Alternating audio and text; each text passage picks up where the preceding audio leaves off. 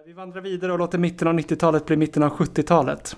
Fortfarande Hötorget, men ändå annorlunda. Där, i ett hörn syns ett par FNL-aktivister. En av dem skramlar med en insamlingsbössa för ännu en miljon till Vietnams kämpande folk. Och en säljer Vietnambulletinen. Där, i ett annat hörn, står en försäljare av Folket i Bild Kulturfront. Det radikala alternativet till den fördummande veckopressen. Och där, och där, och där står de alla mer eller mindre konkurrerande försäljarna och tidningar som alla har något rött och revolutionärt i huvud och namn. Stormklockan, Internationalen och störst av alla vår egen Gnistan med 17 000 i upplaga varje vecka. I korsningen Kungsgatan-Vasagatan ligger istället för 7-Eleven Svensk-Kinesiska vänskapsförbundets stora affär med risskålar och tygskor och pappersklipp och diskret propaganda för maoismen. Och sen upp för Drottninggatan.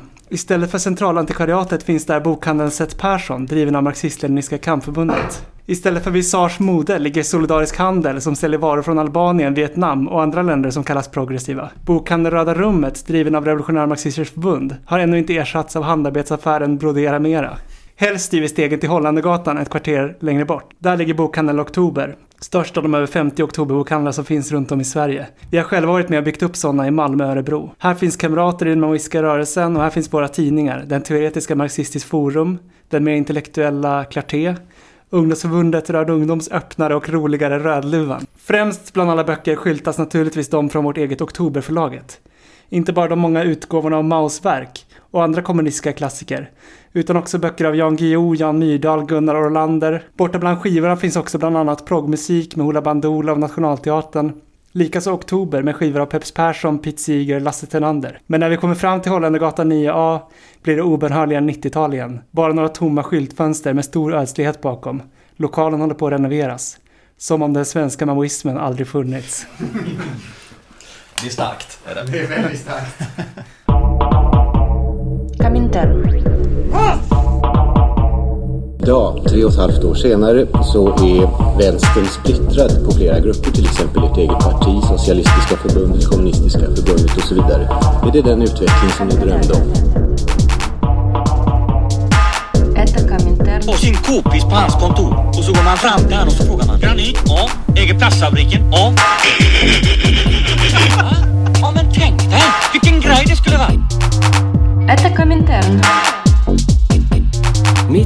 Styrelsemötet stormade ett tjugotal personer in. Enligt rödgardistiskt mönster anklagade man nu Mattis för att vara förrädare och kontrarevolutionär.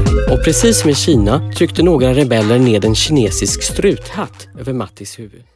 Eh, hej och välkomna till Komintern sommarspecial. Vi lär av historien. Eh, med mig idag är Gaspar Tja. och Svante.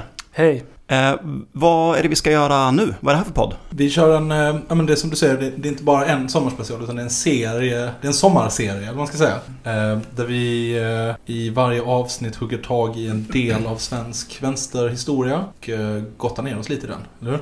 Informellt har vi ju kallat den för Vitbokspodden med Precis. referens till Ja, vad ska man kalla det? Den typ av dokument som en organisation, kanske en vänstergrupp, skriver efter sin nedläggning om man vill göra det väldigt prydligt. Precis, precis. Det är liksom det är döda eller nedlagda organisationer som är främst kommer hamna i, i strålkastarljuset. Just det, men ganska omgående frångår vi den regeln. Vi kommer inte bara läsa vitböcker. Nej. Nej. Eh, Men vi f- undersöker vad olika historiska vänsterorganisationer och tendenser har velat, hur det gick, hur det var att- att vara aktivist i eh, respektive grupp.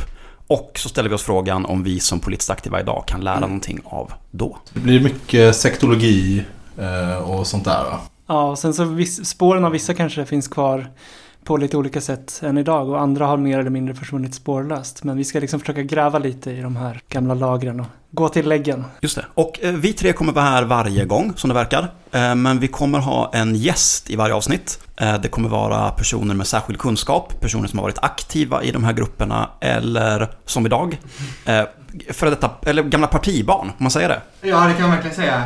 Eh, det är ju inte bara en föräldrageneration utan också en farföräldrageneration faktiskt som har varit del av den rörelse vi kommer att prata om idag. Mitt namn är Martin och jag är aktiv i Allt alla Malmö och för er få som kanske känner igen min röst så är det från Radiot alla, där jag annars brukar prata. Ja, det är väl det. Ja, jättekul idé. Jag älskar ju psykologi och jag älskar att gräva ner mig i gamla vitböcker läser gamla dokument. Så jag kommer se så mycket fram emot alla era avsnitt. Det kommer vara hur kul som helst. Du och säkert tre, fyra personer till. Ja, jag tänka att man kan sprida också till en lite äldre generation med. Som är säkert intresserade av att veta. Eh, sen, det är också, jag har tänkt mycket på det här innan på det. Vi kommer säkert komma in på det mer. Men just det här med SKP som vi ska prata om idag. Eh, kommer vi komma in på lite mer sen. Men det är ganska intressant att diskutera också historieskrivningen av olika rörelser. Och det tänker jag är viktigt att ta tillbaka den. Så det här kan ju vara ett steg att göra det. Ja, det är alltid intressant det som kommer efter en organisation har lagt ner. Liksom när, när på något sätt facit kommer, när man berättar sanningen om hur det egentligen var på den där brigadresan till Albanien och sådär. Man ser ju liksom inte alltid det om man bara läser pressen, som, eller liksom vad det nu var för material som producerades under tiden. Men när folk på något sätt kastar masken och berättar hur det gick till bakom kulisserna, där, där tror jag man kan lära jävligt mycket. Men också vilka det är som får utrymmet att beskriva en rörelses Ja. historia. Eh, det är väldigt intressant. Och, och eh, också den här att det finns någon slags... Jag vet inte, jag tycker ofta att man, när man talar så 68 vänster eller så här med, eh, med kamrater så finns det liksom en... Ofta är folk lite så, ja ah, men det var så jäkla töntigt och dåligt. Att allt är skit bara liksom. Att man har tagit till sig lite liberal. Att man säger om, ja, men om jag hatar det mycket mer än vad liberalerna eller högern gör.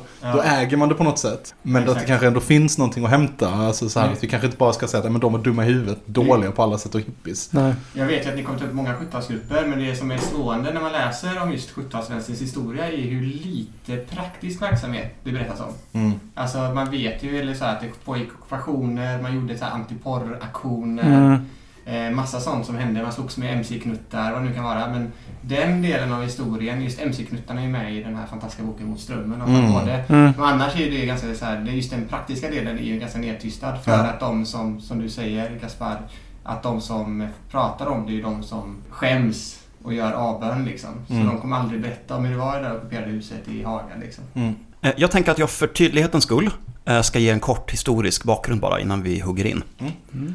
Eh, Så Vänsterpartiet hette ju länge SKP.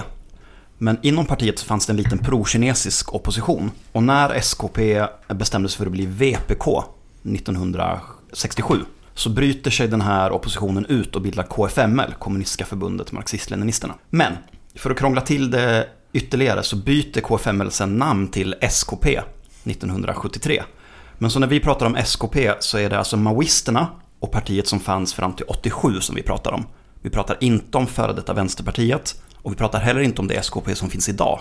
Det intressanta med eh, KFM eller SKP är ju att hur, hur dominanta de var i 68-rörelsen och Alltså om det är någon bild som kanske all, man i allmänhet har av 68-vänstern och de här åren på 70-talet så är det ju kanske studenter som viftar med Mans lilla röda och ungdomar.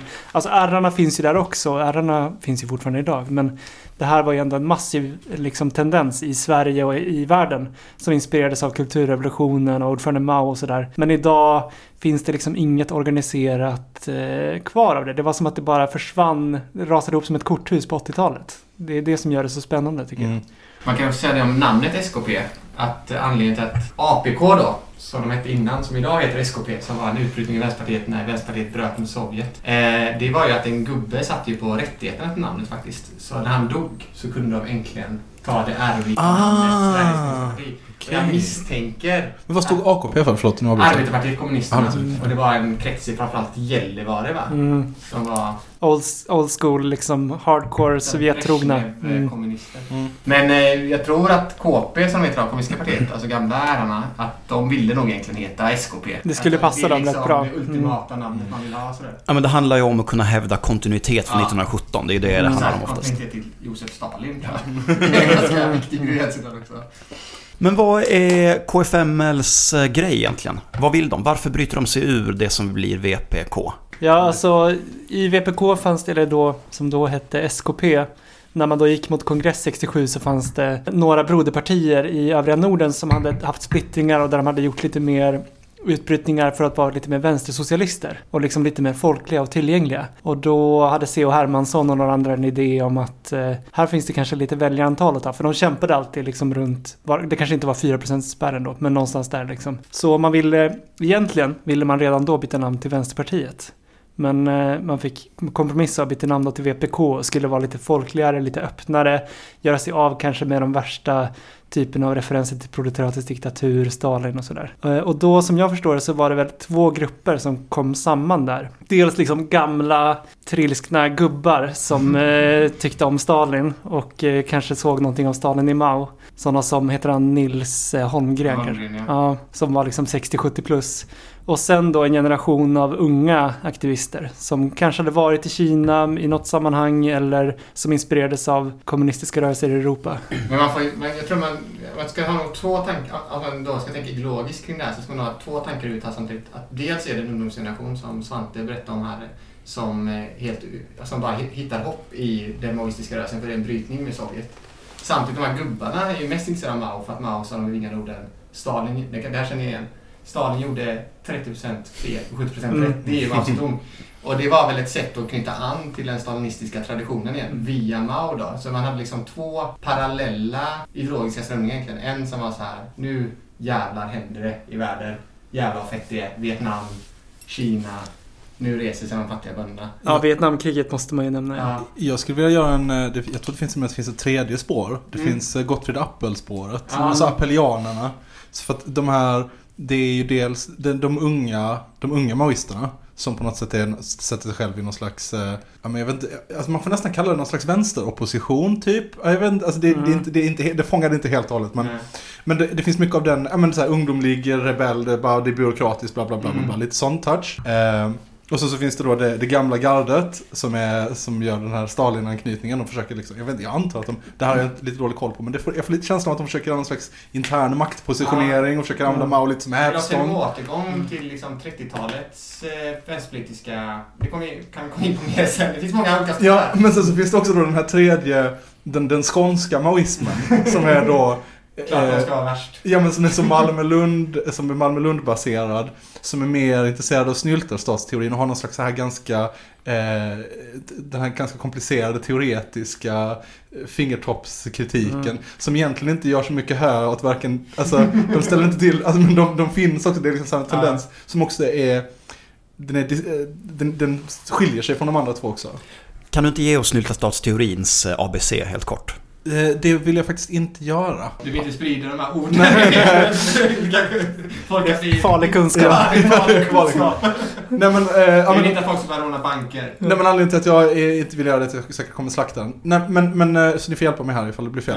Ja. Eh, Men visst är det, är grundtanken så här att i, eh, i, väst, i västvärlden så är, finns det, så är liksom proletariatet mutat upp till en så pass hög materiell standard att den inte har ett materiellt intresse av att göra revolution längre. Ja. Mm. Just det, och det är mutat med vinsten från exploateringen av den tredje världen. löner, hög levnadsstandard. Ja. Men, men när man pratar om mutteorin så tänker man ju givetvis på de här gubbarna i Blekingegardeligan som rådde banker och stödde tredje världen-rörelser. De menar ju mer på att det var ett taktiskt val. Alltså att i tredje världen händer det, därför så stöder vi dem. Mm. Och då vi går via mutteorin.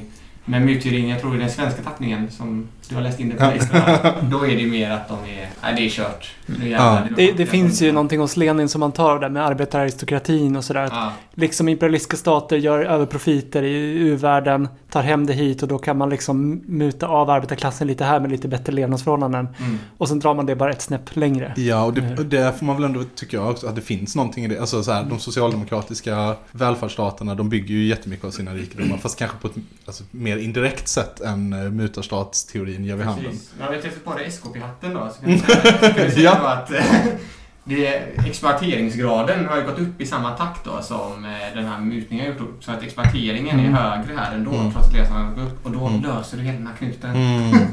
Men alltså om vi ska säga någonting om vad man, vad man tror kan ha tilltalat massor av unga, framförallt studenter i Sverige med liksom en gammal kommunistisk gubbe i Kina och hans eh, regim. Så tror jag att en väldigt stor faktor var det här, alltså, om, vi, om vi tänker oss hur situationen var, alltså det, man måste liksom helt förändra sitt synsätt på allting vad socialdemokrati och kommunism betyder. Alltså vi har ett otroligt konformistiskt socialdemokratiskt samhälle. Eh, vi har ett kommunistparti i Sverige som ungefär lite grann som vänstern idag. Mest samarbetar med sossarna, har liksom lite dammiga böcker med Lenin och Stalin på, men mest liksom åker till Sovjet och Östeuropa som eh, då vid det här laget, slutet av 60-talet, alldeles uppenbart är liksom gråa betongkolosser som har väldigt lite med socialismen att göra. Sen kommer då ett eh, rättmätigt befrielsekrig i Vietnam. Det kommer liksom ett, ett uppror i Kina och Mao kanaliserar det här, vilket man ju då kan hävda har, har med hans egen maktkamp i Kina att göra. Men han börjar prata om sånt som bomba högkvarteret, eh, kritisera alla auktoriteter,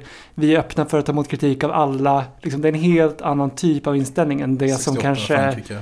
Jag vet inte, Honecker eller Ulbricht eller Mm. sådär står för. Liksom. Så Det tror jag blir det här som, som väcker liksom, någonting i väldigt många. Och sen finns det då en konkret kamp att knyta an till, alltså kriget i Vietnam. Ja, jag, så tänker jag jättemycket. Alltså jag tänker nästan att Mao, eh, inte för appellianerna eller, eller gubbfalangen, men för liksom den här ungdomliga eh, liksom oppositionen, så då, alltså det verkar, Mao känns nästan utbytbar. Alltså för att det är liksom så här, du har kulturrevolutionen som är på gång. Eh, Det hade, det hade, det, den är kanske lössläppt av Mao men den, den har ju en egen dynamik också. Liksom. Det är inte bara så att Mao tryckte på en knapp och så hände det. Eh, så den, som den blir inspirerad av. Eh, Vietnamkriget blir ju en superstor grej i Sverige liksom. Eller eh, motståndet mot, eller stödet för. Eh, och eh, så, är- så är det, har du liksom eh, eh, nästan revolution i Frankrike och så här. Det finns en, Mm. liksom det, det blir bara det att den här, den vänstervågen som jag tycker man ser på många olika platser på många olika sätt runt om i världen, typ där runt 68. Den får bara det här delvis märkliga uttrycket Mm, i Sverige. mm. Men det är väl också så som Svante är inne på det, just att det var så konform- konformistiskt men också repressivt samhället. Så de första Mm. Vietnamdemonstrationerna till exempel mötte enormt övervåld från Mm. polisens sida. Det Mm. finns ju en klassisk berättelse om hur de slog sönder Jan Myrdals glasögon. Mm. Ja, och själv Peter Matti som fick stryk på Hötorget och så. Ja. När de gör otroligt beskedliga saker som att stå med en skylt på Ja, Hötorget. så får man liksom. stryk av svensk polis liksom. Eh, Så det var ju också en sån radikaliseringstendens också. Att det Mm. var verkligen Ja men det är rätt att göra uppror och vi, alltså svenska samhället reagerade ganska hårt mot den rörelsen. Mm. Sen får man, en- alltså en faktor som man ändå måste nämna också är ju att alltså Kina hade ju velat ha brutit med Sovjetunionen och börjat staka ut sin egen väg mot socialismen. Liksom. Och de hade ju inte många allierade i det. Det var ju Albanien som hängde på till att börja med. Och då jobbade man ganska aktivt från Kinas ambassad med att åka runt i världen och försöka identifiera liksom folk man kunde prata med. Och eh, i den här boken Maoisterna som jag säkert kommer referera lite till, där de pratar med många som var med i SKP KFML, där berättas det liksom om, vad ska man säga, det var som natt och dag mellan gamla kommunistpartiet i Sverige och de här maoistiska kontakterna man fick. I kommunistpartiet det var liksom en dassig gammal byggnad i Stockholm, man kom upp dit och blev utskälld av någon liksom 73-årig före detta grovarbetare. Eh, och eh, sen så träffar de då de här unga entusiastiska personerna från kinesiska ambassaden som börjar se åt dem ifrågasätta allting och gå tillbaka till din skola och fråga din rektor vad sjutton de har för rätt och säga åt dig vad du ska göra och sådär. Det blir ju liksom otroligt entusiasmerande. Men, men nu har vi liksom, jag tänker att vi har satt scenen lite här. Eh, nu, nu, får man en, nu har man lite känsla för vad som händer i världen och i Sverige och i vänstern. Eh, hur ska vi, vi- men vi har alla läst och diskuterat eller, och, och snokat lite olika vinklar kring det. här. Eh, kamrat Andreas, vad har du sysslat med för research? Eh, Ja, men jag har läst en antologi som heter Utanför systemet. Eh, och som är intressant nog släppt 78. Så att den, den eh, målar upp i, med ganska breda penseldrag ett decennium av den här nya vänstern i Sverige. Vågat får man säga, efter bara tio år. Ja. Eh, Men den berör egentligen alla vänstergrupper som på något sätt har sin grund i 68, åren däromkring. Det är någon som heter Björn Erik Rosin som har skrivit kapitlet om KFML. Och Björn får ju Eh, KFML och låten som något av en flopp, måste jag säga. Alltså han beskriver det som, eh, han beskriver en utbrytning ur SKP, VPK, ett bildande av KFML och han beskriver det som att KFML är en organisation bestående av personer som tror att bara man sätter tillbaka Lenin, Stalin och tillför Mao på omslaget på sina böcker så kommer klassen att komma.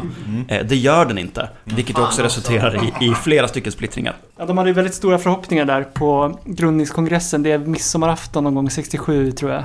Mm. De tänker sig här att nu bildar vi ett riktigt kommunistparti som inte liksom skräder orden om vad som krävs och vi är äkta revolutionärer och då kommer ju massorna från det som då är VPK att strömma till oss och den revolutionära arbetarklassen kommer att vakna. Sen finns det ju berättelser från den här kongressen och från åren efter hur man inser att vad är det egentligen vi har? Ja, men vi har liksom några hundra studenter, några gamla stötar, på 70 plus. Eh, och eh, sen Bo Gustafsson som är väl den första ordföranden eh, säger att de få arbetare vi hade var mest eh, kufar.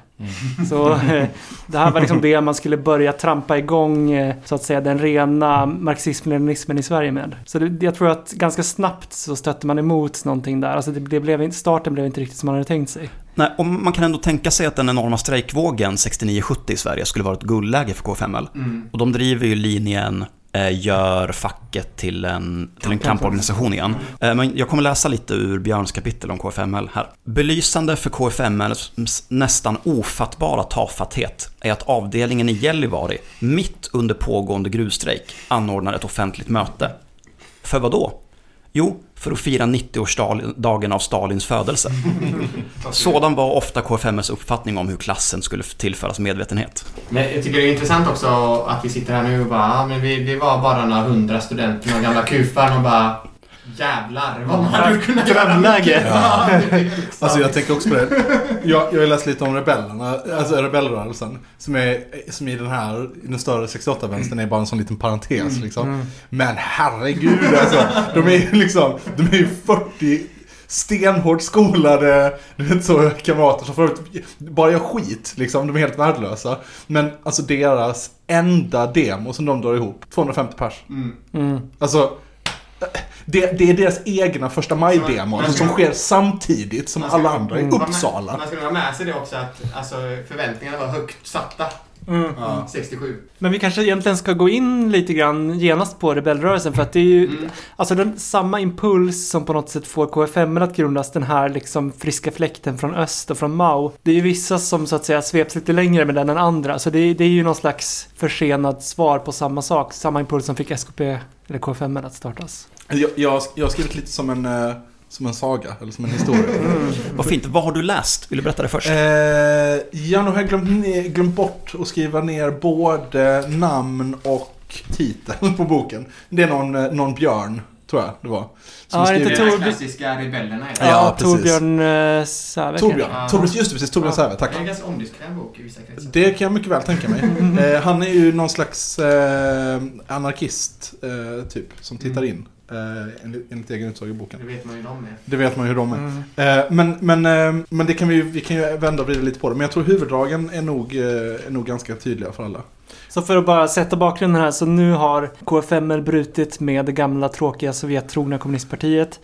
De har kommit igång lite smått, de har väl avdelningar i ett antal städer, de har med sig lite äldre arbetare i Norrbotten, de har studenter i Uppsala, Lund, Malmö, sådär. De har, de, enligt den här boken, eh, cirkus 700 medlemmar. Ja, det är eh, inte i så dåligt alltså. Alltså det är också en sån grej. Men de hade väl på sin topp, som du sa där, vi läste, läste citatet där från början, får se om det är med, men då hade de ju 70, 17 000, Gnistan, alltså veckotidningen. Mm. Precis, de hävdar det. Jag tror aldrig att det är belagt, men det är deras egna siffror. De det. hade ju en tendens att räkna in sina fronter i eh, medlemsantalet men också. jag, jag komma in på fronterna men, men också, vi får kanske nämna det också, att maoismen i Sverige var ju inte bara KFML vid den här tidpunkten heller, utan att maoismen, alltså, eller Mao framförallt, det finns den här klassiska artikeln med vår nuvarande konung, när han säger att Mao är hans största idol. Vi vet, Mm. Centerpartiet hade också en maoistisk, vad ska man säga, Mm. eh, liksom tendens. Det, man gillar Mao i Sverige. Man gillar Mao Sverige. Enligt någon bok så hade Kines- Svensk-Kinesiska vänskapsförbundet 8000 medlemmar. Ja, och där fanns det också moderater och Ja, socialdemokrater precis. och liksom man, man kan ju sätta det också lite... Mao var 60-talets Greta Thunberg. Eh, och- men, men precis, och, men då i Uppsala så finns det då ett gäng som, som sveps med lite längre än alla andra. Eh, och eh, de får, de har, det leder till eh, oanade konsekvenser för främst en liten grupp individer då som är med i den här, i den här soppan. Så det blir några, eh, ett, ett svettigt halvår för en liten grupp Uppsalabor och Stockholmsbor. Eh, det börjar då med att de tycker inte att KFML eh, har med Mao tillräckligt mycket. Det är det, det första man säger. Mao nämns ingenstans i eh, de, de första vad är det, 28 programpunkterna någonting som KFML lägger ut. Eh, Riktigt svek alltså. de blir rasande. Ehm, En kritik man skulle kunna ha av allt åt alla idag också. ja, vi, nämnde bara Mao på fyra platser. eh, det, det är också, det är också sådana här saker som att Mao-tavlan hänger längre ner än Lenin och Stalin-tavlan. Och det gör folk Nej, det är ju gått långt. Aj, aj, aj, aj, aj. Så, men, de, men de tar fasta på, på kulturrevolutionen. Det är det de tar fasta på. Det är det de är intresserade av. Därför att de, de, de som de hamnar i konflikt med i KFML, den, liksom, den gamla, det gamla gardet, som också är maoister, men de är maoister av ett slag, jag skrev ner det någonstans här, eh, Liu Xiao-anhängare då, som är någon tidigare potentat i Kina. Ja, någon byråkrat som blev utrensad Som blev utrensad, precis. Så att de, har, så att, så att de, liksom, de maoisterna, de gammelmaoisterna, de hejar på en kille som ungmaoisterna tycker är en skurk. Eh, och det leder ju omedelbart till att det blir, till att det blir stökig stämning. Och det är också så att det är precis när den här, eh, de här, den här Uppsala-gruppen eh, samlas, eller vad man ska säga, eh, så, så är det också, för, det är också mot bakgrund av det här polisvåldet och det här, jag, alltså jag skrockade gott åt det här för att det, det känns så, det säger också något om sex. Det talades om att starta karategrupper för självförsvar. och jag, alltså det är så, alltså det är ju kamrater, alltså kamrater som, som, som förbereder sig för att försvara sig mot polisens repression och, och du vet så här, det känner man ju väldigt starkt för att, och det är fint, bra gjort. Men det är så jävla lustigt att tänka sig, du vet så utsvängda byxor och står det så här, ha, ho, Också ha. den här liksom. repressionen är liksom ett par brutna glasögon som gav ringar över hela landet och talades om i år. Jag vet, jag vet inte, det, det, det, det här, här var någon demo då, 20 december demo i Stockholm som, säger, som i den här boken beskrivs som ganska våldsam. Ja, jag det, vet det inte. är den där jag och Myrdal får sina Ja. glasögon krossade. Ja. Det finns en klassisk bild när han går omkring lite halvblind där. Ja. Stolt.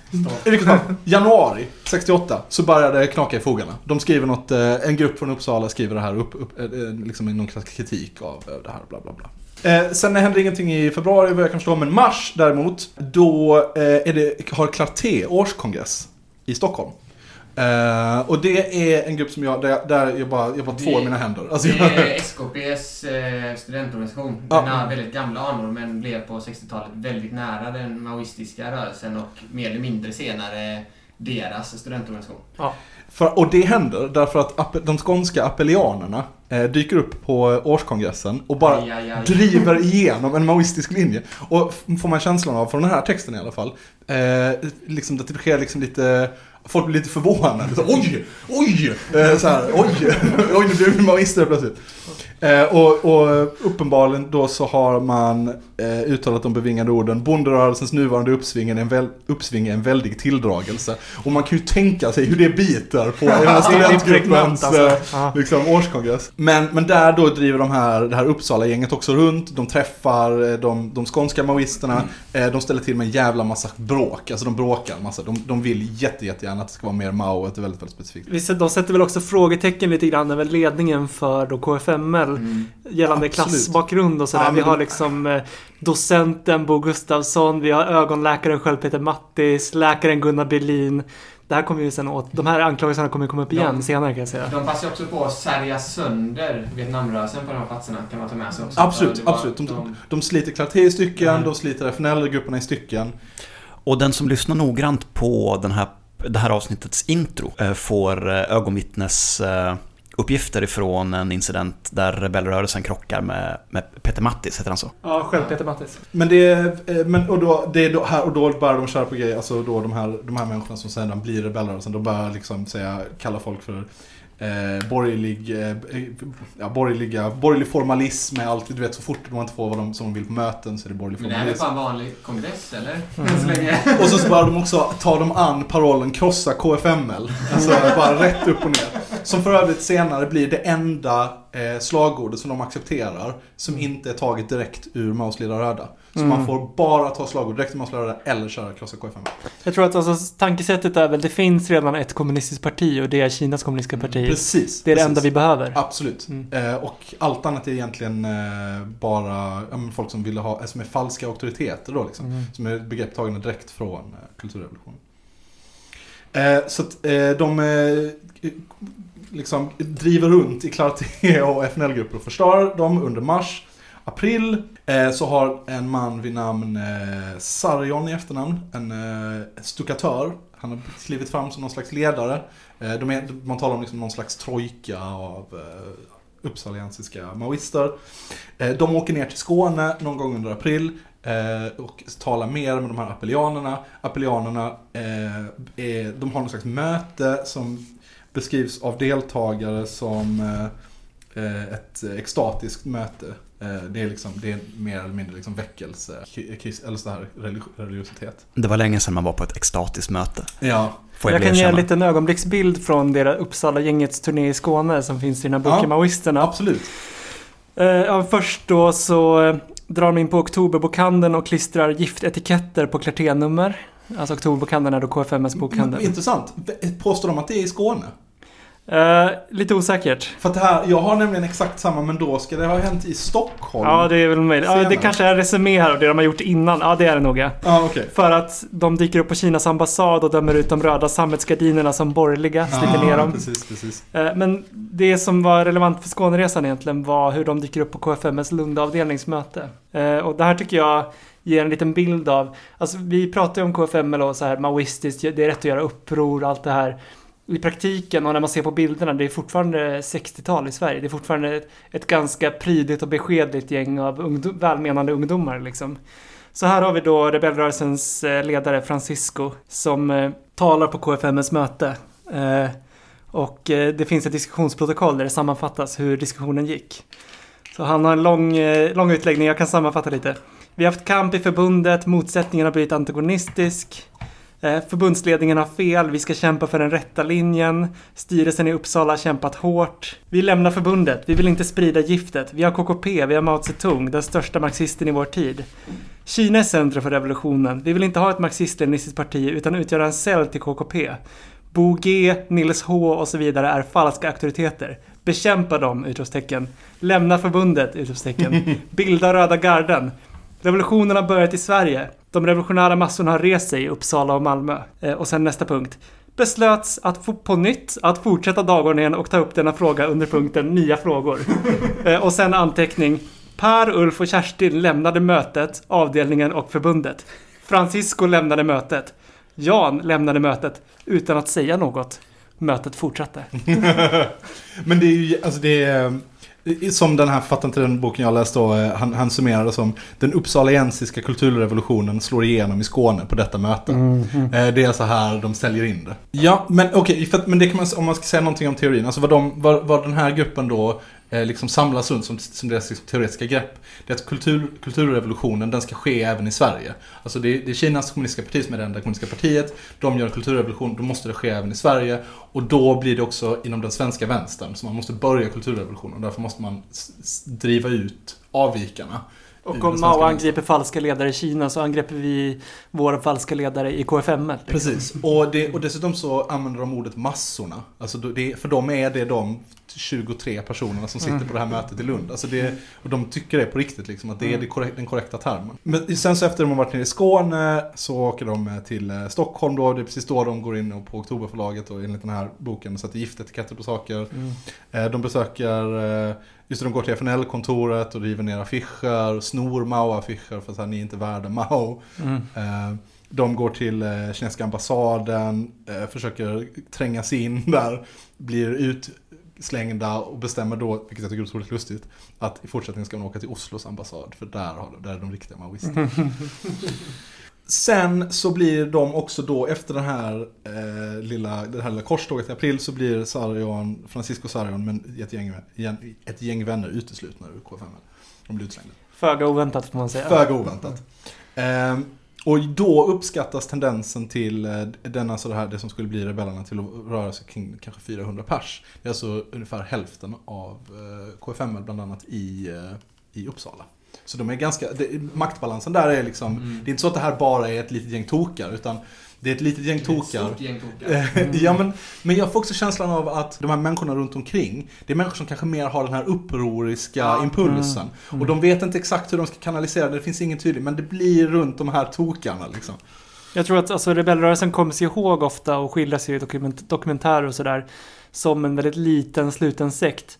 Men här precis i början så tror jag inte att det kanske var helt klart för någon ung människa som har sugits med i det här och tycker att ah, men det är rätt att göra uppror och vi ska liksom leva om och revolutionen står för dörren. Det kanske inte är jätteuppenbart att den ena gruppen som har Mao-porträtt och säger det är rätt att göra uppror är så himla skild från den andra och den andra kanske till och med verkar lite mer actioninriktad. Men det visas väl också splittringen mellan just de här gamla stalinistgubbarna då som hittar Stalin, eller försöker komma tillbaka till Stalin via Mao och den här nya generationen som eh, bara fuck it liksom, nu jävlar kör vi. Ja, och jag tycker att, men, alltså ser man inte den bakgrunden så tror jag att, alltså hade man suttit på ett sånt tråkmöte och Francisco Sarion hade ställt sig upp och vrålat. Snygga, snygga. Ja, ja. Det är rätt att göra uppror, länge leva Mao Zedongs oövervinnliga tänkande liksom. Då hade jag nog, det hade nog varit lätt för mig att välja sida egentligen. Sen så hade man kanske ångrat det senare. När de kidnappar ens barn Mm. Eh, man tänker om. De beskriver också som feberaktig massuggestion. sugges- Så att det är, ja. Det är ösiga möten. Eh, april går över till maj och de här, den här hårda kärnan ska ha, ska, ska ha sin egen första maj-demo. De ska ha en egen demo första maj. Eh, de tycker inte att, eh, inga andra vänstergruppers första maj-demos är någonting att ha, de ska ha en egen. Och samla 250 pers. Vilket ju är eh, deprimerande tycker jag. Eh, därför att v- 250 pers i ett första maj-tåg i en stad som inte är Malmö, Stockholm, Göteborg idag hade ju varit fett. Alltså riktigt Mm. fett. Nu är de besvikna. De tycker att 250. ingen- Var det massorna liksom? Precis. Ehm, Och det, skulle bara varit på fler K5-möten tror jag. Ja. ja, Då hade ju massor kommit. de, de bildar också en egen organisation. Eh, lite otydligt i boken vad de döper den till. Inte till rebellerna, utan som jag förstår det till 9 april-rörelsen. Jag vet inte om någon Mm. annan vet eh, mer om Mm, det. Rebellrörelsen känns ju lite som ett öknamn. Ja, precis. De, jag tror att de själva ville kalla sig för 9 april-rörelsen. För det är 9 april de skriver en sån massiv eh, kritik av K5. Och eh, okej, men, men man är ändå såhär bara okej vi försökte, massorna kom inte men vi gör ett försök till. Och då har man sin första och sista eh, offentliga politiska handling. Eh, och då ska man kalla till solidaritet med de, det kämpande folket i Frankrike. För just det här pågår det ju. Det är maj, det är 68, det är skitösiga grejer på gång i Frankrike. Eh, Så de har liksom fingret på pulsen lite. Vilket också är intressant eh, med, det där, med tanke på det du nämnde om eh, om, om partiet som mitt under brinnande gruvstrejk hade Mm. firade Stalins 90-årsdag eller vad det var. De här gänget verkar ändå ha, de verkar vara lite mer med, lite mer, mer med på det Fast sättet. du vet ju inte om K5 i Stockholm kanske hade firandet av Stalins 91 Ja, precis. Men i vilket fall så, det här det sjabblar de bort fullständigt. Det kommer 300 pers, eh, de står och läser, deras tal är bara att de står och läser rakt ur Maus lilla röda. Folk börjar skratta och bua åt dem, och då blir de rasande och kallar dem för Li Shao Shis lakejer, eh, borgerliga formalister och så vidare. Burn. Ehm, så det blir, det blir ett jättefiasko för dem. Sårade och sura åker de till eh, Kårhusockupationen som äger rum den 25 maj. Eh, och, och bråkar jättemycket och försöker splittra så mycket de kan. Eh, och blir utslängda till slut. Folk bara, resten av åren bara ledsnar. Eh, Sargon får micken någon gång. Eh, försöker driva igenom ett förbud mot fotografer. Och sånt där. De bara, just det, det var när alla andra var på lunch. Typ. och sen, och det är deras sista offentliga aktion. Eh, eller det är deras sista, eh, liksom, det är sista gången de dyker upp igen. Alltså det, det, sen efter det så försvinner de lite från radarn. Och det är därför att juni-juli månaderna tillbringas i kala celler. Eh, därför, alltså, både bokstavligt och organisatoriskt. Därför att då beslutar de sig för att de ska gå, de ska bilda cellstruktur. Organisationen ska delas upp i ett antal olika celler. Eh, varje cell eh, ska ha eh, en, en eller fler, ett par lägenheter. Eh, och så ska de leva klosterliv, mer eller mindre, i de här cellerna. Och det är fyra celler i Stockholm, det är en eller två i Uppsala, lite otydligt. Eh, och det rör sig om kanske, kanske 100 pers som mest. Det de sysslar med i de här eh, cellerna är intressant. För det första så har de inga möbler, eh, så gott som. De har bara liksom the bare minimum.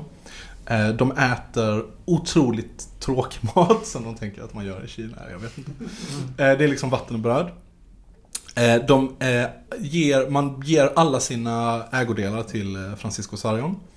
Eh, som han, och han fördelar dem sen i organisationen efter eget tycke eller vad han tycker man behöver. Alla snaggar sig, eh, samtliga medlemmar. Eh, och man uppmanas eh, slash pressas till att bryta med sin familj. Det är alltså, det här kallar vi, det här är som inte, inte sekt som vi liksom skämtar om det lite ibland som hö hö. Eh, här är sekt eller ö. Det här är Knutby, det här är en riktig sekt. Men man gör väl sig också av med eh, borgerliga ägodelar. Alltså det finns väl historier om folk som måste skänka bort eller bränna sina skivsamlingar. Absolut. Eh, Jag tror att DN en- endast fick användas som dasspapper och sådär. Ingen musik, ingen Inget fel radio, i det. inga Det finns tidningar. också sådana klassiska historier från Stockholm. där Man kan se de här grönklädda personerna eh, jogga i takt, borsta tänderna åt ett visst håll och sådär. Ja. Och göra offentlig Var det inte också att de simmade Jo. under ett porträtt av ordförande Mao? Jo, precis. Och allt ska ske koordinerat eller så här i... Mm. Eh, och vad de gör om dagarna är att de sitter i en ring och sen så får omväxlande en person sätta sig i mitten av ringen. Aldrig Francisco Sarrion, men andra personer. Och så ska de utsättas för kritik då av olika slag. Och den börjar som verbal, men steg för steg Han så... var alltså Kristi brud. Han var Kristi brud. Och det här är ju, alltså det här är, kanske vi ska nämna då att kritik och självkritik är ju ett väldigt viktigt inslag i maoismen. Eh, som Mao liksom har uppmuntrat till och som även KFML håller på med. Fast Ja. kanske kan man hävda på ett lite sundare sätt. För här blir det alltså så att man blir, eh, till slut så blir, eh, får man spotta på den personen, sitter alla och spottar på den och sen så går det över i slag och sparkar och sen så blir det Mm. mild misshandel, grov psykologisk misshandel. Eh, och de här, den här självkritiken går också in på att bli rättegångar. Där Francisco Sarrion har ett litet block där han antecknar olika fel olika medlemmar gör. Eh, och sen så blir man utsatt för olika straff då. Eh, det kan vara sådana saker som att man spärras in i, i ett litet rum och bara får vatten och Har du morötter. läst DN så... Ja, då, det, då blir det dålig stämning. Ibland kommer Francisco in och spöar en lite grann. Eh, och sen så får man, ja, tills man ångrar sig. Visst har de också särskilda celler för barn med barnvakter Ja, de har en cell som är barncellen. Eh, Så alla barn lämnas också in till sekten och sen så förvaras, den i, eller förvaras de barnen då i, i barncellen som vaktas av två vuxna. Så tog de ett barn från andra som hade barn som var småborgerliga då, eller borgerliga på något sätt och försattes i nya hem. Det vet jag inte, det är möjligt. framkommer väl i den här... Revolutionär omplacering. Ja, med dokumentären då. att Man kidnappar barn. Den här författaren får man väl ändå säga på något, eh, på något lite tråkigt sätt för mig men på ett lite bra sätt i allmänhet. Var så här, jag tänker inte gå in på alla de snaskiga detaljerna här, det är inte det viktiga liksom. Eh, det är plågsamt för folk. Så här. Men, eh, men det, det pågår riktigt så här obehagliga grejer. En sak som man dock valde att plocka fram i boken som jag också tycker är så här kanske det, den yttersta gränsen för vart det här gick var en, en person då som är indragen i den här kulten, sekten, eh, kommer på sig själv med att läsa DN eller någonting, oklart vad. Men begår någon form av fruktansvärd synd. Eh, funderar över det här länge och väl och beslutar sig för att, eh, att han förtjänar att bli avrättad. Eh, så han går till sina kamrater och säger nu har jag gjort det här, det finns inget sätt för mig att sona för det här utan ni måste ta livet av mig. Så de åker, åker de ut tre stycken i skogen, binder den här killen och sen så plockar de fram sina moraknivar och så läser de tillsammans ur Maus lilla röda.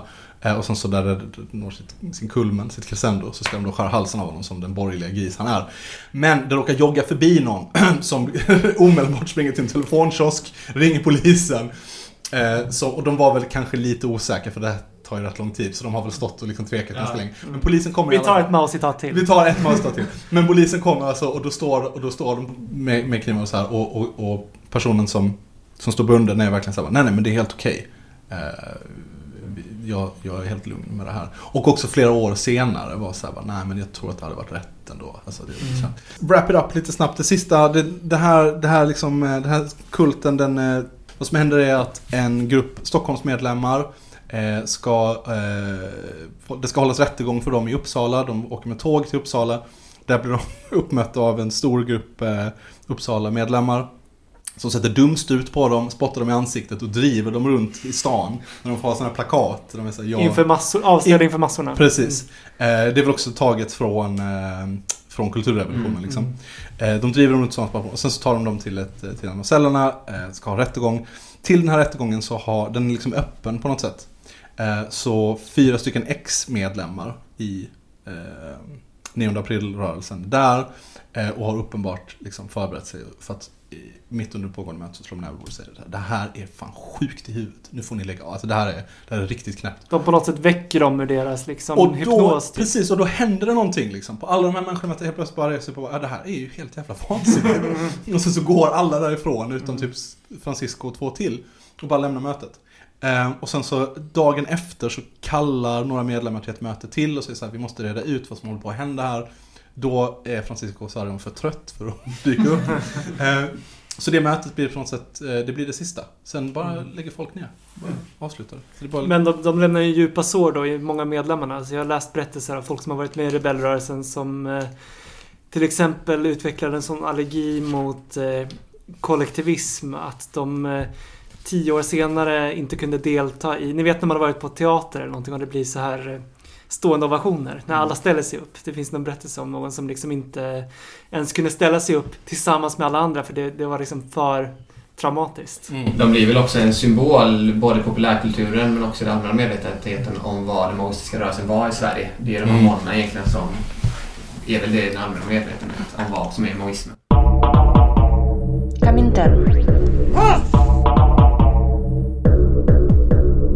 Det är ganska fascinerande att det aldrig skedde något väpnat försök i Sverige utifrån de här. Alltså att man tänker, okej vi bildar celler. Ja, Då brukar vi bilda celler för att göra någonting kriminellt. Men det gör de ju inte. Nej. Mm. internt då, men inte utåt. Det Nej. är ganska intressant Ja. att den terroristiska idén aldrig föddes. Det finns eller inte. Nej, precis. Det finns ju en, en brittisk parallell också, den här gruppen som precis som rebellrörelsen bröt sig ur sin tids mainstream maoistiska rörelse, bildade celler, slöt till en lägenhet Och sen då, till skillnad från rebellrörelsen så var det väl ingen som väckte dem. Och det var ju det här som avslöjades för typ två år sedan. Att deras motsvarighet till Francisco då hade hållit, vad det nu var kvar till slut, fem pers i Mm. en liksom maoistisk sektverksamhet i en lägenhet i då 45 år. Liksom. Alla var ju över 70. Fascinerande. Men eh, då har det här hänt. KFM är precis bildat. Rebellrörelsen kommer ut och bara BAM! Och vad händer sen? Jo, det blir massa vilda strejker i Sverige. Och det är här återigen då Stalins fiende kom igen. Mm. Och KFM ställer upp i valet. Och det går ungefär som för AFS förra valet. 0,4 procent. Och då är det några i framförallt Göteborg som är ledda av en man som heter Frank Både som jag vet att ni har nämnt innan den här podden. Hans ande svävar över den här stan. Det är ganska kul varje gång jag Friend of the pod skulle jag vilja ja, säga. varje gång jag är här med min sambo som är från Umeå så är jag helt fascinerad över att KP är ett sånt spöke. Man ser dem hela tiden. Mm. Eh, de eh, blir helt rosenrasande på ledningen. Antagligen för dåligt valresultat men också för att man då har misstolkat och misshandlat eh, den här strejkvågen. Facket, det är en jävla skit. Vilda strejker är som gäller. Vi ska skapa egna organisationer på arbetsplatserna. Medan eh, KFMLs ledning vill ju då göra om facket till en kamporganisation. Sen är man ju också kritisk till det här med, vad är det det kallas för, 25-öreskrav eller Ja, någonting. det. Det är så mycket prat från KFML om den och den skatten och den och den Mm. liksom lilla problemet. Var är liksom den proletära revolutionen? Det var ju därför Ja, vi kom hit liksom. Exakt. Och de bryter sig ur 1969 va? Redan. Ja, eller är det 70 kanske? 70 är det ja. Splittringen var en bra 72 är sak. Förbundsdagarna vet jag. Ja. Så, 70. ja. Och den här splittringen det är någonting som har följt med i min familj. För jag har ju haft då familjemedlemmar på båda sidor. Mm. Eh, så det var ju väldigt hårda ordalag och, och båda har varit aktiva i Göteborg. Och I Göteborg blev ju R-arna då, eller KP, KP, KFMLR som hette innan det blev KPMLR var partiet och sen kommunistiska partiet. Eh, var mm, väldigt starka här i Göteborg medan SKP förde en ganska tynnare tillvaro. Och hade mycket band med Oslo och Norge då, där det var mycket stark maoistisk rörelse. Men det är väl det som händer efter, hur många år har det gått nu? Det har varit tre, två splittringar hittills så vi Mm. är tre år framåt i tiden. Och i då ärarnas retorik, vi ska inte gå in allt för mycket på ärarna i det här avsnittet, men då är ju då Göteborg är ju den stålhårda proletära kärnan med muraren, Frank Både och sådär. Och det är ju också, precis, de har ju liksom mer arbetarinslag i Göteborg. Mm. Medan i Stockholm finns då det småborgerliga KFML som liksom leds av läkare och docenter och sånt där.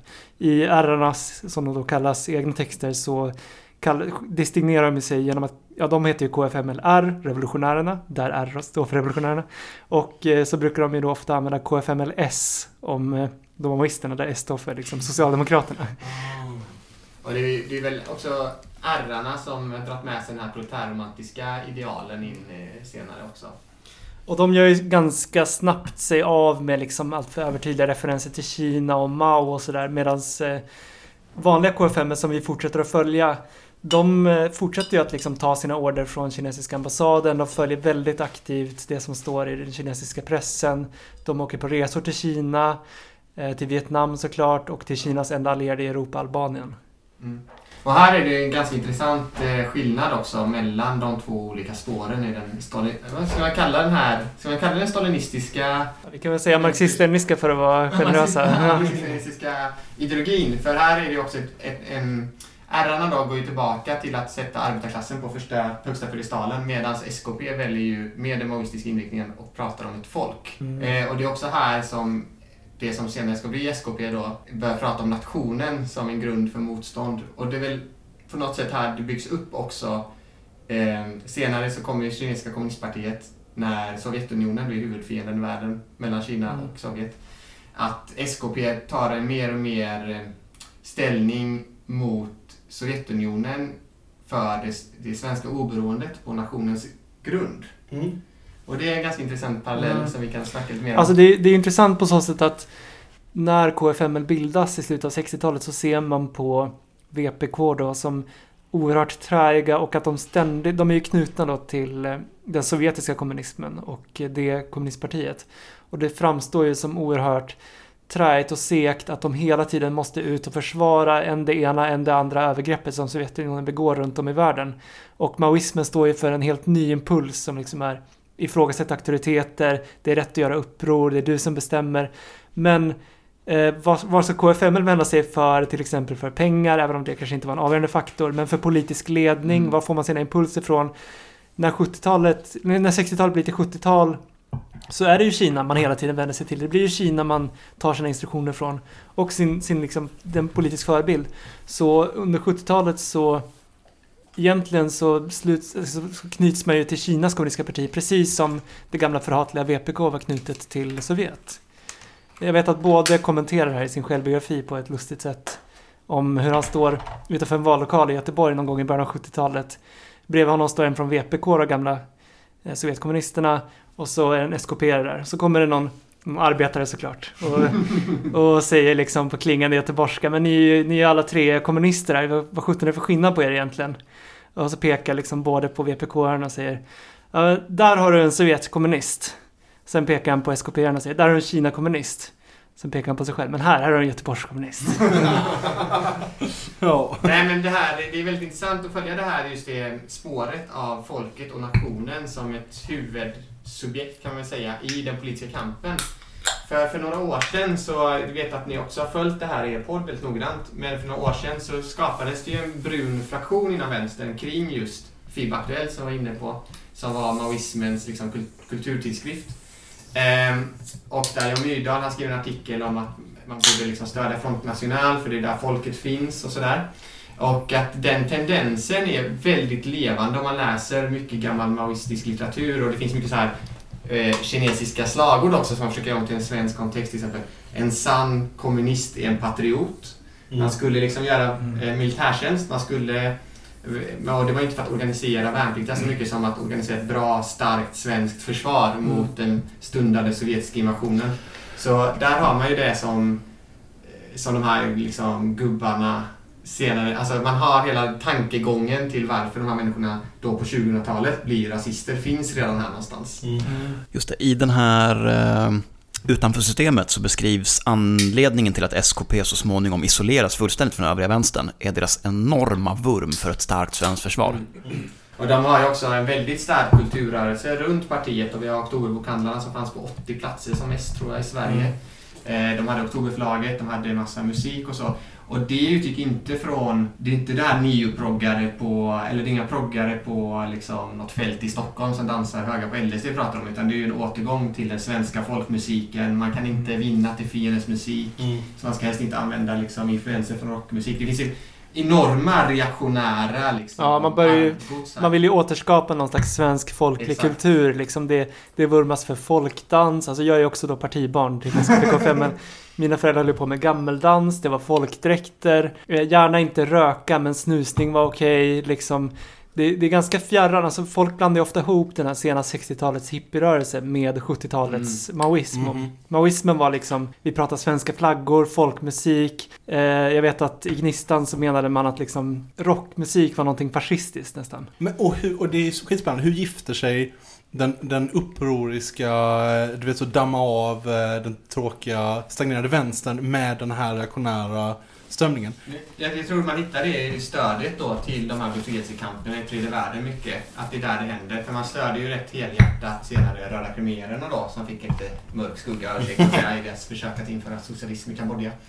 Och andra sådana försök och det är väl där man hittar sin radikalism. Men samtidigt så börjar SKP rätt tidigt stagnera också. De finns väl i åtta år, de når sin peak 76 och sen är det liksom inte så jävla roligt längre. Vi kanske ska lägga upp lite, eh, alltså nu, nu har då 73 så ombildas ju KFML till ett riktigt parti, SKP. Vid det laget, alltså vissa hävdar ju att de där någonstans står på sin peak, men det kanske kommer medlemsmässigt lite efter stapp. Men då har vi liksom ett litet imperium, som du var inne på. Vi har oktoberbokhandlar över hela landet. Vi har fronter som de då arbetar väldigt nära eller i ledningen för.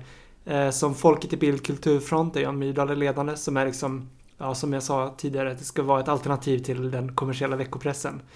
Eh, Vi har Clarté som är studentorganisationen. eh, Röd Ungdom, ungdomsförbundet med tidningen Rödluvan. De har en finsk veckotidning tror jag till och med. Eh, De har soldattidningar.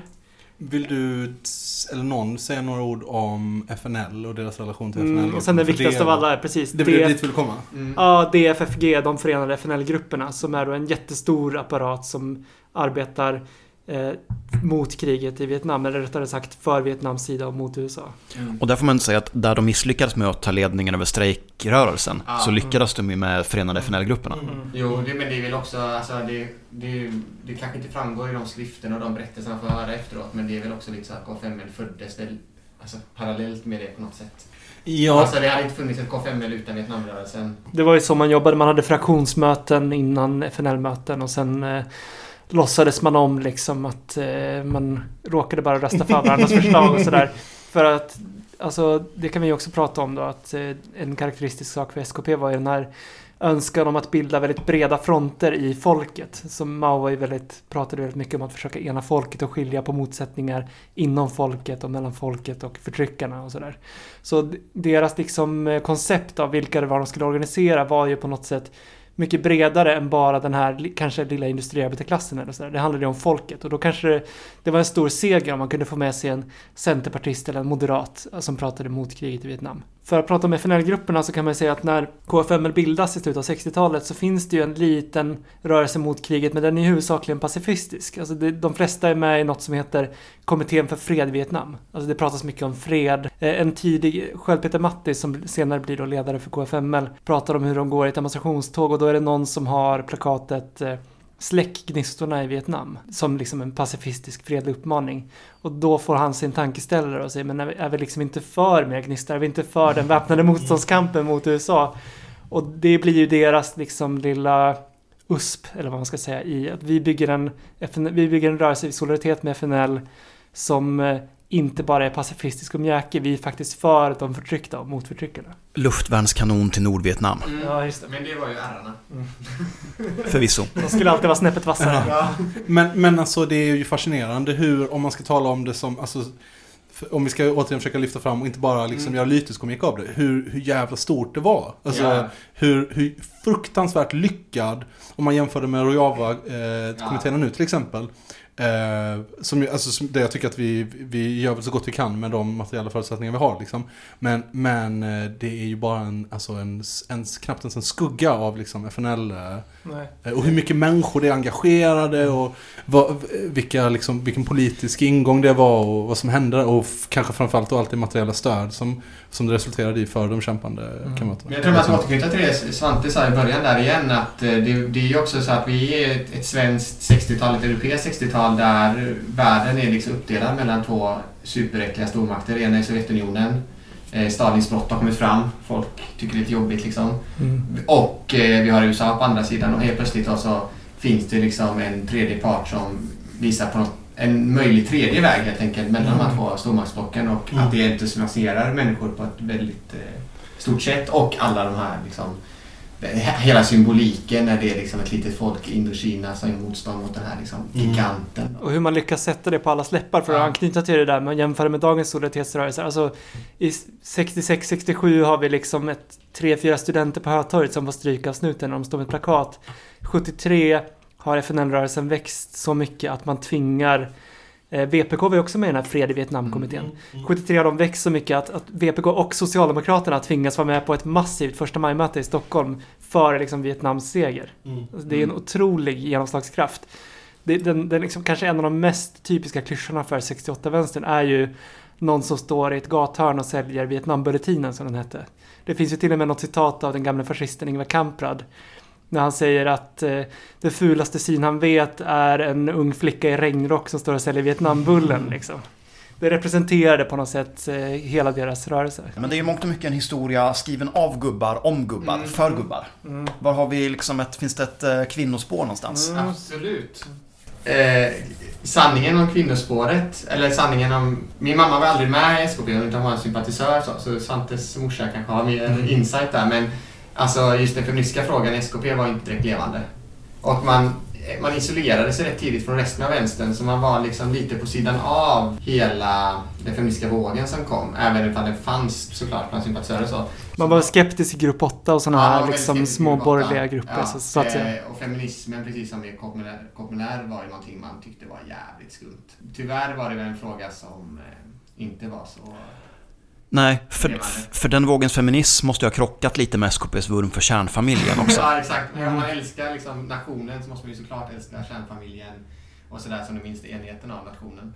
Men senare på 70-talet så hittar man ju lite spår i det här med porrmotstånd. Mm. Eh, man skriver reportage om prostitution i Gnistan och så Men det där, också porrmotståndet och sådär, precis som narkot svensk narkotikapolitik som också Mm. skrivit av en gammal SKP-are, bottnar ju också i en moralistisk syn Mm. på sexualitet snarare än fråga... Alltså det är klart man blandar in frågan om sexuell exploatering och sådär, men det, i syvende och sist så är det ju ändå det moralis, moralistiska perspektivet Ja. som blir vinnande. En bra och hederlig arbetarkvinna ska liksom vara med sin familj och Ja. sådär. Hon ska sälja kanske en tidning Mm. varje lördag. Mm. Och det finns inte så mycket utrymme i SKP för kvinnliga frontpersoner heller. Nej, det finns ju en del kända skådespelare och konstnärer som är kopplade till SKP som Elsa Pers Berglund vars konst växer, hänger på Rösgar i Göteborg till exempel. Eh, och runt Oktoberbokhandlarna finns det ju sånt som kvinnor kan ha på med, körer och Mm. syverksamhet och så. Men nej, i, i partistyrelsen har jag förstått som att det var en ganska manlig klubb. Mm, och, och, av eh, mina föräldrar har jag fått höra att det var rätt mycket på mötena att eh, männen satt och slog Lenins citat i huvudet på varandra medan kvinnorna kanske stod med kopieringsmaskinen eller kokade kaffet liksom. Lite typiskt. Men det som händer då med SKP, de bildar parti 73, man, fort, man fortsätter att försöka ställa upp i val. 73 försöker man, eh, man gör en appell till VPK som man då har brutit sig ut ur bara några år tidigare och som man nu också har snott namnet från. Om att göra en valsamverkan. För det har varit ganska stora besvikelser med valresultaten hittills. Och det måste ju svida. Ja, det, det, de fick en vecka på sig, ordföranden för de olika lokalavdelningarna, att säga ja eller nej. För att man kom på det här ganska sent. Eh, och eh, till slut så blir det ett motvilligt ja. Eh, men eh, den här inbjudan framställs liksom offentligt i pressen. Och eh, då får liksom inte VPK en chans att förhandla om den eller liksom fundera över det privat så att säga. Så då, då får de kalla handen. I slutändan så erbjuder man till och med att vi kan ställa upp på VPKs listor. Men eh, det blir nej på det så ställer man upp själva och får ett, egentligen ett sämre resultat än man fick då, vad blir det, tre år tidigare. Trots att partiet egentligen har växt och fått större inflytande. Det är, det är också väldigt intressant som kommer fram i, då, när man läser om SKP. Det var ju också ett av de organisationerna, eller KFML då egentligen, som började med aktivistiskt basarbete igen. Så det ska man med sig att deras eh, styrka och kraft låg inte så mycket i antalet sympatisörer som så mycket engagemang som låg ner på frivillig basis medan andra organisationer i arbetarrörelsen då nästan bara hade betalda personer som var engagerade. Så det var ju deras, liksom, man sålde Gnistan varje vecka. Man gick på sitt hyresgästföreningsmöte, hade möte innan då, så man röstade rätt Mm. som fraktion. Eh, och sådär. Man var väldigt aktiv i olika folkrörelser och eh, organisationer. Och sen försökte man bygga de här folkfronterna. Men det gick sådär. Och man proletariserar sig. Man Ja. försöker söka jobb på ny- nyckelindustrier och sådär. Det, det är ju en återkommande eh, egenskap hos många av de här 68-grupperna. Att man proletariserar sig. Vilket, alltså det slår ju en också när man läser det här år 2020. Att eh, Frågan är ju, alltså det handlar ju bara om att välja en industri och gå dit och söka jobb eller liksom gå till sjöss eller vad det nu gäller. Och eh, sen kanske frågan är huruvida man är en fumlig student som egentligen har, inte hör hemma på en industri och sådär. Men det är ju aldrig något problem om att inte få ett jobb liksom. Det handlar inte om försörjning. Det är, det är bara en taktisk övervägelse. Precis, men jag tänker också att den... Eh, nu, ska, nu ska jag slå ett slag här för självproduceringen, men också att om man tror att, att liksom industriarbetarklassen spelar en avgörande roll i, i liksom befrielsen eller revolutionen, det är klart som fan man vill vara där det händer också. Så man ska också se det i det ljuset. Det är inte så mycket... Det är klart det har med också med en kulturell identitet, att man ska vara arbetarklass. Men det är också en taktisk fråga. Man ska ju vara där folket är. Och sen börjar man ju också då på 70-talet att faktiskt vinna över en del fackliga aktivister som liksom tycker att kanske VPK är lite stelbenta och sådär. Man får ju med sig Sture Ring Mm. är väl ett sånt där stort namn och man får inflytande i grafikerna som var en stor Man har väl också grupp. lite inflytande i Gällivare fortfarande. Ja, just det. Eh, Så, så, så liksom sakta men säkert flyttar man fram sina positioner. Men sen, jag tycker vi kan återkomma lite till det här med eh, Alltså ett stort problem för KFML som ju vid det här laget är en ganska, egentligen en rätt ny vänstergrupp. Alltså de har fem år på nacken eller något Mm. sånt där. De, de knyter ju väldigt stor del av sin aktivitet, sin, si- alltså sina, sitt massarbete är ju Vietnam-solidariteten. Det, det är så folk, det är som en pipeline in till partiet som vi var inne på. Eh, 75 blir det ju fred i Vietnam. Eh, Och eh, här, Vietnam som land, de har hela tiden vacklat lite grann mellan Kina och Sovjet, de två liksom, stora socialistiska länderna. Och eh, i slutändan så kan man väl, får man väl ändå säga att Vietnam väljer Sovjets väg. Mm. Och då blir det väldigt stora problem för KFM, eller SKP i det laget. Ja, och det är då också man hittar en annat litet land i Sydostasien som också kommer att spela stor roll för Mm. SKPs framtid och det är ju Kambodja.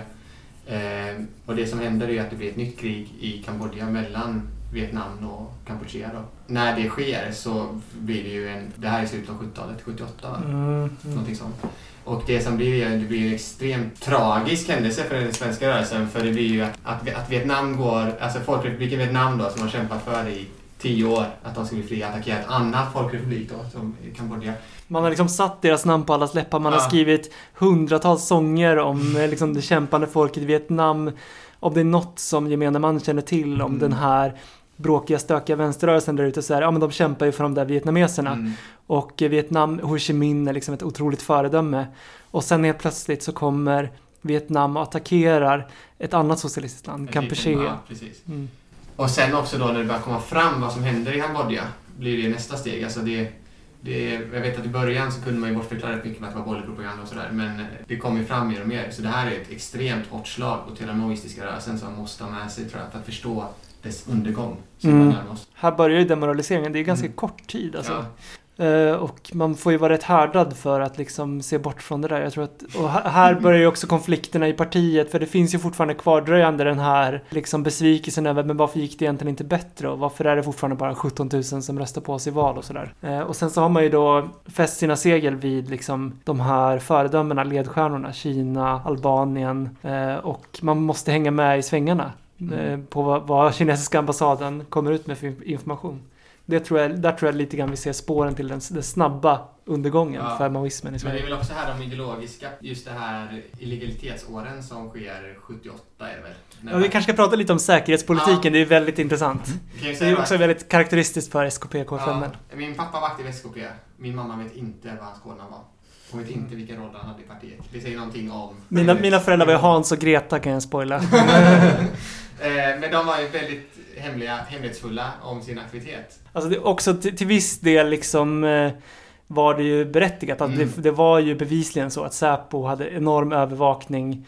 Eh, Det hände liksom, det finns berättelser om hur eh, någon från Televerket ringer på hos någon ledande SKP-are och säger liksom det ser lite konstigt ut. Jag måste bara fråga dig, det är, det är liksom två sladdar som går in till, din, till ditt nummer här i telefonboxen. Jag undrar bara om du vet någonting om det och Ja, sådär. det är alltid, och att det har alltid varit historier i de kretsarna om hur det fortfarande klickar i telefonerna liksom. Ja, just det. I, i, början av 90-talet. Så. Men IB då, som ju avslöjades i Folket i Bild Kulturfront, SKP-anknutna tidningen. Alltså de övervakade ju inte bara maoisterna, de övervakade ju ärrarna jättemycket, de, de övervakade alla vänstergrupper. Det som egentligen var lite speciellt med eh, SKP och som gjorde tror jag att de blev mer nojiga än andra, det var ju att man, man hade, Kina hade ju då taktpinnen och vid det här laget så hade ju Kina bestämt att eh, den största fienden på global skala i världen, det var Sovjetunionen och eh, socialfascismen. Liksom. Eh, inte USA. USA är inte det värsta hotet. Det är Sovjetunionen som hela tiden expanderar. Det är Sovjetunionen som hotar världens folks frihet. Så det som gäller nu för alla kommunister i världen som följer Kina är liksom att vid varje tillfälle bekämpa Sovjet. Även om det betyder att man kanske måste lera sig med USA eller sådär. Så jag tror att den allmänna berättelsen av, av 68-vänstern är ju i alla fall för oss som fortfarande, eller som är vänster idag, är ju, alltså man vill ju gärna förklara den upp som en sol, ner som en pannkaka och den snabba nedgången med saker som den borgerliga motoffensiven och liksom eh, materiella ekonomiska orsaker och sådär. Men alltså man måste ju ändå säga att tidigt 80-tal, alltså Rarna är fortfarande, visst de är, det är liksom inte tusen eh, studenter som kommer och säger det är rätt att göra uppror, men de är fortfarande going strong liksom. Vi har trotskisterna, alltså SB, det går rätt bra för dem i början av 80-talet. Det var liksom inte förutbestämt att SKP skulle gå under. Nej, och de går ju inte heller under i Norge och i Holland. Eller i Holland finns det ju fortfarande kvar och Norge är ju klassikampen, den gamla tidningen. Så där, men där lyckades de också på ett tidigare stadium bryta med eh, den kinesiska ideologin. Sen blir det ju också problem det här med då huvudmotsättningen som Kina har dikterat. Det betyder också att eh, när det finns nya kamper som uppstår i tredje världen, eh, men eh, de här länderna, vi har ju Chile till exempel, Mm. där man, man just det så här, man vill inte, helst inte kritisera Pinochet-regimen, eller hur? Nej, det vill man inte. Man, man ställde sig... Alltså Gnistan i början där var ett försvar av kuppen i Chile just för att den liksom gick emot det sovjetiska inflytandet i Sydamerika. Mm, just det. Det, det. Jag tror att SKPs ordförande vid det laget säger man sparkar inte en tredje världen-ledare i baken.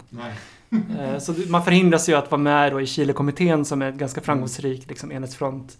Och så här, man blir ju lite grann ett verktyg i händerna för, också, för Kina. precis, man har också tydligt valt den här folkliga inriktningen. Så att man har ju också valt att isolera sig från resten av vänsterrörelsen. Så man har sin ganska stor, nu vet vi inte hur stor den var då, men ganska stor veckotidning, man har sina bokhandlar och sådär, men man håller sig väldigt mycket på sitt hörn också. Trots att man vill bygga de här folkfronterna så är det inte det man ska göra med resten av vänstern, utan det är med det heliga, heliga svenska folket. Och sen eh, dör det, helt enkelt. Eller ja, det, det slutar vara SKP och blir slutet av 80-talet Solidaritetspartiet. Men dina föräldrar fortsätter där va? Ja, de droppar ju ur någon gång där mitten av 80-talet. Man bildar ju om sig till Solidaritetspartiet, eller 85 Mm. kanske.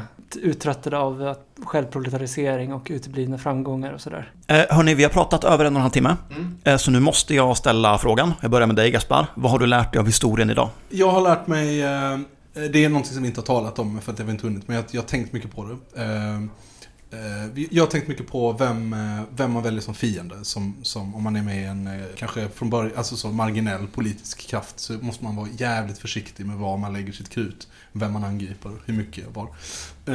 Och kanske också för att knyta an lite mer till det vi har faktiskt har talat om, också vem man har som sin allierade då. Om man spänner sin, sin vagn efter hästen Kina så får man vara jävligt försiktig.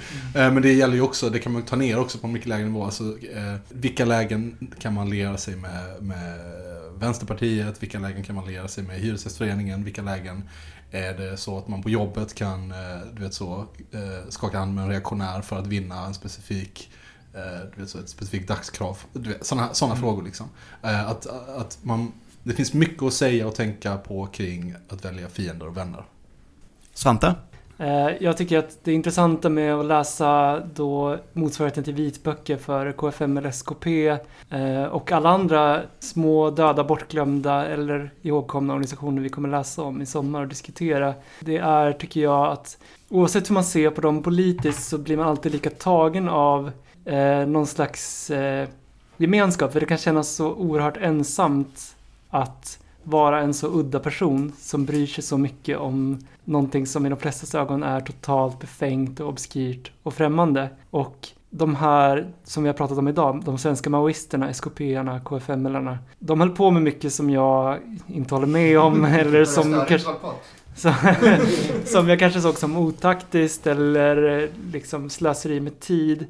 Men det fanns ändå några där och då som drevs av någonting och som la ner oerhört mycket energi och tid och resurser på någonting som de tyckte var rätt. Och det tycker jag alltid får en att känna sig lite mindre konstig. Martin? Nej, men jag, jag tar vid lite där. Det är en väldigt fascinerande period att läsa om på många sätt eh, som Svante nämner. Och, och jag tänker också att det är en hel del lärdom man, man kan ta med sig. Man kan sätta på sig den här SKP-hatten när man typ stödjer kampen i Rojava. Liksom. Hur kommer man själv... Alltså man kan verkligen förstå hur man i ett läge kan försvara ett folkmord ett kort tag. Så. man kan verkligen förstå de tankegångarna liksom att man är ändå ganska trogen de idealen man skrivit upp sig på. Det är en sak som, så att jag har ändå, visst det är skithemskt att stötta folkmord i Kambodja, men jag kan ändå ver- verkligen förstå varför man gjorde det. Sen så är det som eh, Gas, Gaspar pratade om här också, att det här valet av fiender, men också valet av allierade är ju väldigt intressant. För jag tillhör ju själv en fraktion som har liksom ganska aktivt försökt typ lämna vänstern. Och det är ganska kul att då höra historier om liksom hur, hur misslyckade de här försöken är.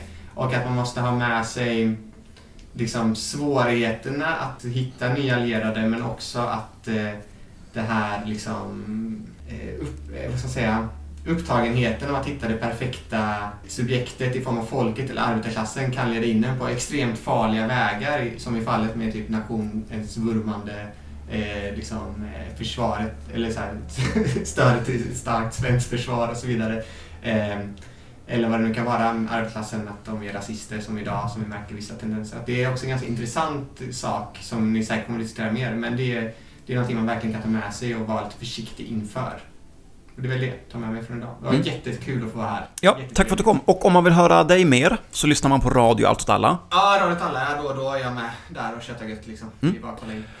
Eh, till dig som har lyssnat, du har hört Komintern sommarspecial, Vi lär av historien. Del ett av eh, frågetecken, frågetecken, frågetecken. Ja, precis. Vi kommer fortsätta arbeta oss kronologiskt framåt mot modern tid. Vi kommer beta av tendenser och vänstergrupper. Vi kommer ha superspännande gäster. No offense Martin, men du är kanske den, den minst lysande stjärnan i vårt program. Vi får hoppas att allt alla lägger ner innan sommaren är slut så kan vi ha ett vitboksavsnitt om dem Vi också. får skynda ut en vitbok. Jag lägger ner nu. Vi lägger ner. Vi lägger ner. Vi får väl utfärda en trigger warning för rätt mycket dammighet, ganska mycket gubbar och eh, rätt mycket tjocka böcker. Men förhoppningsvis ska vi gå in som någon slags eh, skattdykare där och fiska upp de bästa anekdoterna och det mest relaterbara contentet från det här. Mm. Det kommer vi.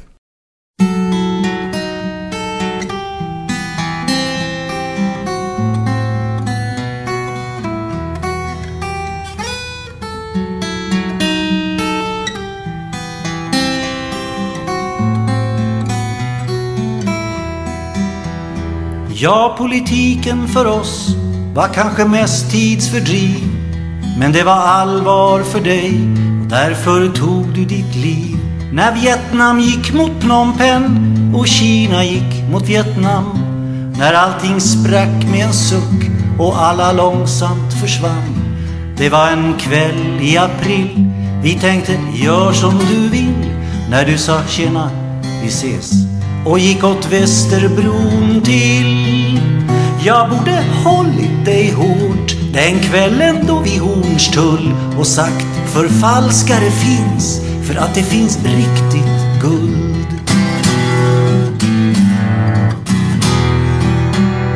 Ja, allt var allvar för dig. Du borde haft dig ett liv som var så glasklart och rent som ett partidirektiv. Där en kamrat är kamrat och där en vän är en vän. Där fienden bär jackett och går att känna igen. Där den som manar till kamp alltid är ärlig och sann. Och världens fattiga bönder inte skjuter varann. Jag borde hållit dig hårt den kvällen då vi Hornstull och sagt förfalskade finns för att det finns riktigt guld.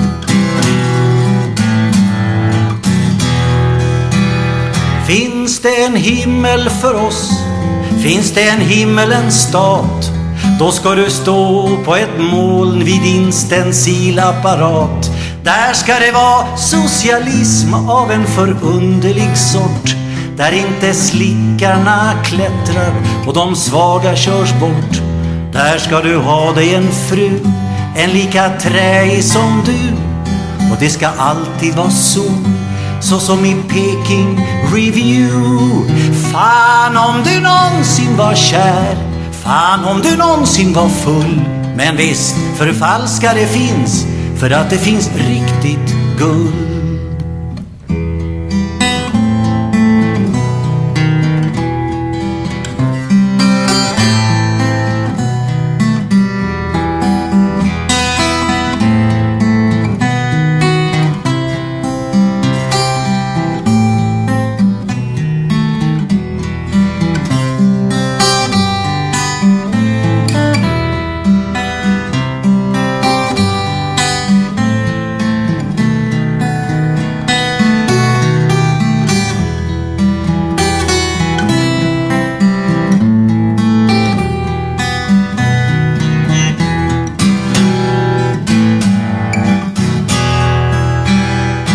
Jag ser en himmel som krympt Jag hör en överkörd trast.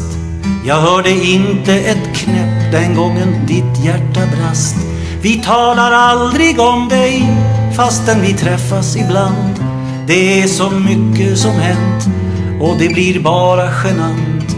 Ja, vi de slipades gäng Ja, vi de starka är kvar och livet blir vad det blir och världen är som den var. Vi lever lekande lätt, vi lever här utan skuld. Och Gud, förfalskare finns för att det finns riktigt guld. Vi lever lekande lätt, vi lever här utan skuld. Och Gud, förfalskare finns för att det finns riktigt guld.